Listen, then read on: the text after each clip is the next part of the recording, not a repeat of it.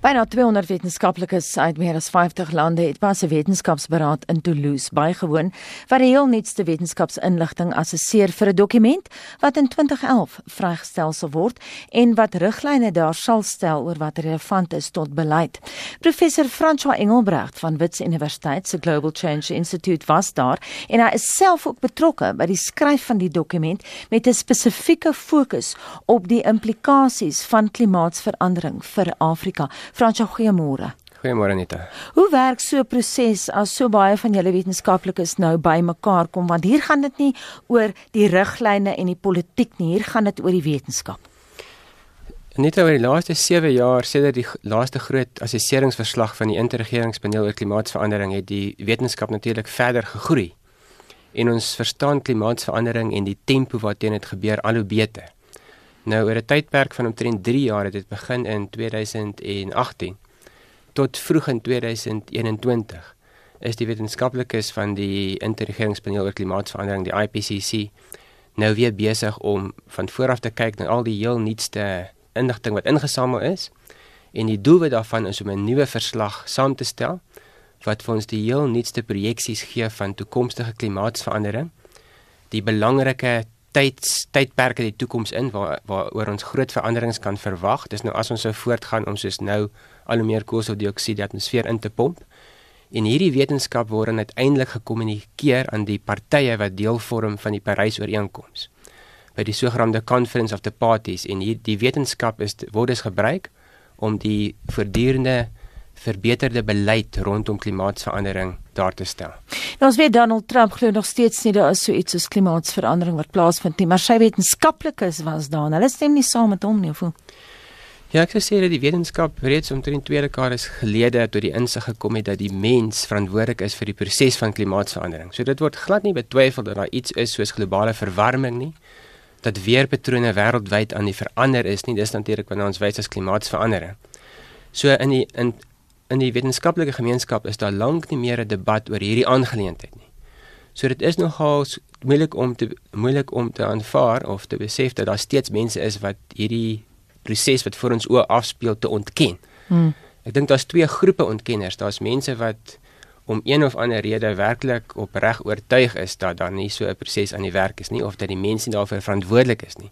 Aan die ander kant dink daar is, is daar ook groepe wat weens politieke redes wil ontken dat ons afhanklikheid van steenkool en olie hierdie proses wêreldwyd aan die veroorsaak is. Dit is my interessant Fransjo, ek sien gister die BBC het opgehou om eers 'n platform te gee aan die mense wat klimaatsverandering ontken. Hulle glo dit is eintlik gevaarlik om vir hulle 'n platform te gee. Ja, ek dink dit is so dat ons heeltemal te veel aandag gee aan die klimaatontkenners want wetenskaplik is daar natuurlik geen fundament waarop hulle staan nie. Ehm um, daar word dikwels gesê dat 99% of baie keer 97% saams wetenskaplike saamstem dat die mens hmm. verantwoordelik is vir die proses van klimaatsverandering en dat ons ongrypende impakte kan verwag um, oor die volgende klompie dekades. So dit is dit is eintlik 'n uh, uh, dit is eintlik maar reël baie verkeerd om hierdie proses te ver, um, te te ontken. Ehm um, mens kan sê dat daar onsekerhede is in sekere aspekte van klimaatsverandering. Byvoorbeeld, Die modelprojeksies dui aan dat teen die einde van die eeu die wêreldwye gemiddelde temperatuur tussen iets van 3°C tot 5°C gaan styg. Dit is die tipe onsekerheid waarvan ons praat en dit maak nie regtig saak of die temperatuur toename 3 of 5°C gaan wees nie. Daar gaan verrykte verrykende impakte wees reg oor die wêreld, ook in Suider-Afrika. So ons moet in hierdie stadium eerder fokus op klim, wat ons noem klimaataksie. Mm. So in hierdie stadium moet die fokus absoluut daarop wees om aan te pas by die veranderinge wat kom en om steeds te probeer om soveel as moontlik klimaatsverandering te voorkom wat ons nog steeds kan kan doen in hierdie stadium. Nou een persoon wat beslis nie 'n klimaatsontkenner is nie, is die Sweedse tieneraktivis Greta Thunberg wat 'n toespraak by die VN Klimaatsberaad COP24 gelewer het wat laas jaar in Katowice, Pole plaasgevind het. Kom ons luister daarna. Our civilization is being sacrificed for the opportunity of a very small number of people to continue making enormous amounts of money. Our biosphere is being sacrificed so that rich people in countries like mine can live in luxury. It is the sufferings of the many which pay for the luxuries of the few. The year 2078, I will celebrate my 75th birthday. If I have children, maybe they will spend that day with me. Maybe they will ask me about you. Maybe they will ask why you didn't do anything while there still was time to act. You say you love your children above all else, and yet you are stealing their future in front of their very eyes. Until you start focusing on what needs to be done rather than what is politically possible, there is no hope. We cannot solve a crisis without treating it as a crisis. We need to keep the fossil fuels in the ground and we need to focus on equity.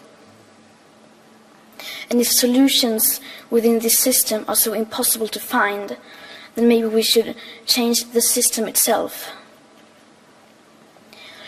We have not come here to beg world leaders to care. You have ignored us in the past and you will ignore us again. We have run out of excuses and we are running out of time. We have come here to let you know that change is coming, whether you like it or not. The real power belongs to the people. Thank you. Fransjo, ek kan in jou gesig sien en jou lyfstaal dat jy saamstem met die sweet Greta Thunberg. Hoe belangrik is gebare soos die van Thunberg? Ek dink dit is wonderlik dat ehm um, die wêreldwye jeugaksie teen klimaatsverandering al hoe meer momentum opbou. Ons het byvoorbeeld gesien dat in die onlangse Europese Unie verkiesings het die Groen Party in Duitsland omtrent 'n derde van die stemme gekry.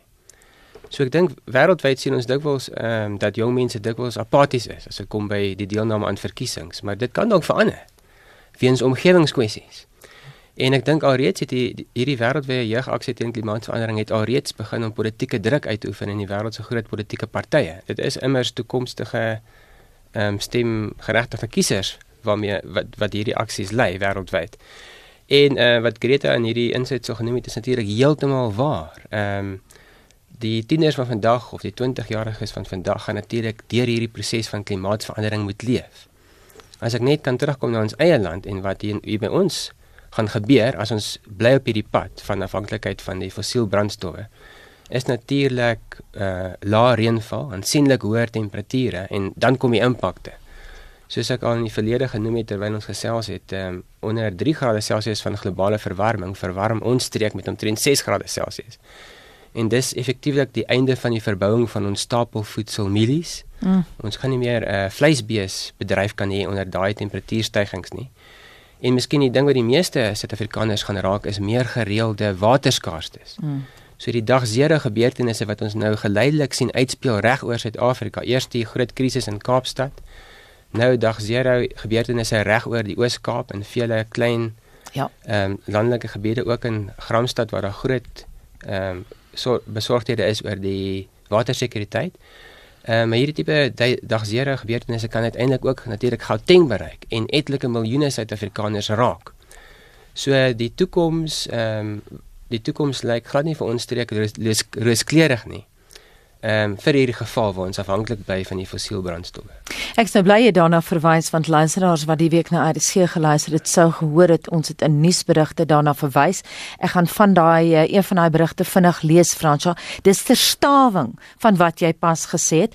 In Suid-Afrika is daar die afgelope Augustus verskeie rekords opgestel vir lae reënvalsyfers sedert die syfers vir die eerste keer in 1900 aangeteken is. In die Baai is slegs 3 mm reën aangeteken en ander plekke wat die minste reën ooit gekry het was Komani, Mthatha, Kraddock en Oos-London.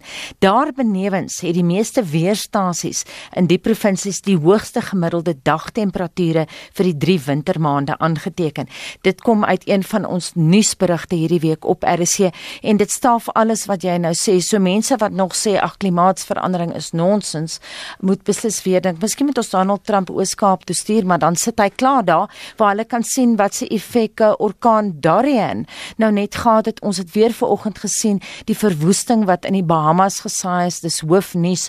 Is klimaatsverandering besig om orkane se trefkrag erger te maak? Ja, hierdie mees onlangse verslag van die Interregeringspaneel oor klimaatsverandering wat verlede jaar gepubliseer is, het spesifiek gekyk na tropiese siklone. En daar is inderdaad aanduidings dat die kategorie 3 tot kategorie 5 tipe siklone meer gereeld begin voorkom. En wanneer siklone voorkom, veroorsaak hulle veroorsaak hulle ook 10 tot 20% meer reënval as in die verlede. So ons sien ons sien wel nie 'n wêreldwye toename in die totale aantal tropiese siklone of orkane nie, maar die meer intense stelsels kom meer gereeld voor. En soos wat ons die aarde al hoe warmer maak, is natuurlik al hoe meer energie vir hierdie stelsels van die warm seeoppervlak en 'n warm atmosfeer kan al hoe meer vog dra. So dis eintlik baie logies om te verwag dat hierdie stelsels meer energie gaan hê, so hulle gaan meer intens wees. Ehm um, sterker winde veroorsaak, maar dan uiteindelik ook eh, 'n uh, baie groter potensiaal vir vloede. En ons het ook net weer eens gesien uh, in Maart en April vanjaar hoe kwesbaar ons eie streek is. Mm. As dit kom by die impak van tropiese siklone met sikloon Idai. Ehm um, wat natuurlik 'n die le lewensverlies van meer as 1000 mense gebring het oor die Suid-Afrikaanse lande waar die sikloon inbeweeg het. Die grootste vloedramp in die geskiedenis van Suid-Afrika en die tweede grootste vloedramp in die geskiedenis van die suidelike halfrond. Fransja, wat gaan ons hierdie somer beleef? Wel, Ehm um, ons moet eerstens dink aan hierdie gebiede in Suid-Afrika wat so droog is op die oomblik wat jy genoem het. So ek kan miskien net vinnig noem dat die Noord-Kaap en die Oos-Kaap baie groot gedeeltes daarvan is op die oomblik in 'n in 'n toestand van wat ons noem ekstreme droogte. En eintlik is die hele hele Suid-Afrika, byna die hele Suid-Afrika het oor die laaste 3 jaar onder gemiddelde reënval ervaar. So ons is tans weer in 'n tydperk van droogte. Ons weet natuurlik dat in Suid-Afrika kom droogte tye tydperke dit kom en gaan, daar's ook natter tydperke dikwels in assosiasie met La Niña gebeurtenisse. Maar klimaatsverandering sê dan ook duidelik vir ons dat hierdie tipe droogtes al hoe meer gereeld gaan voorkom. Ehm um, in die in in die geval van Kaapstad en die winterreënval, die die kans vir groot winterreënval eh uh, verwante droogtes is al reeds omtrent 3 keer groter as wat dit veronderstel is om te wees weens sistematiese klimaatsverandering. Nou as ons kyk na die spesifieke seisoen, dan moet ons natuurlik 'n sogenaamde seisonale voorspelling maak. Voordat die, voordat ek die die nuutste voorspellings bespreek kortliks, kan ek net sê ons voorspellings is gewoonlik minder vaardig as ons kyk na die spesifieke weer van die komende seisoen. In seisoene soos hierdie een waar daar nie 'n sterk El Niño of La Niña gebeurtenis teenwoordig is in die Stille Oseaan nie. So die Stille Oseaan het, het nou van 'n El Niño gebeurtenis terugbeweeg in 'n neutrale toestand. Die mees waarskynlikse ehm um, uitspeel hiervan oor die volgende paar maande is dat die toestand in die Stille Oseaan neutraal gaan bly. Daar's 'n skraler kans vir 'n nuwe El Niño gebeurtenis.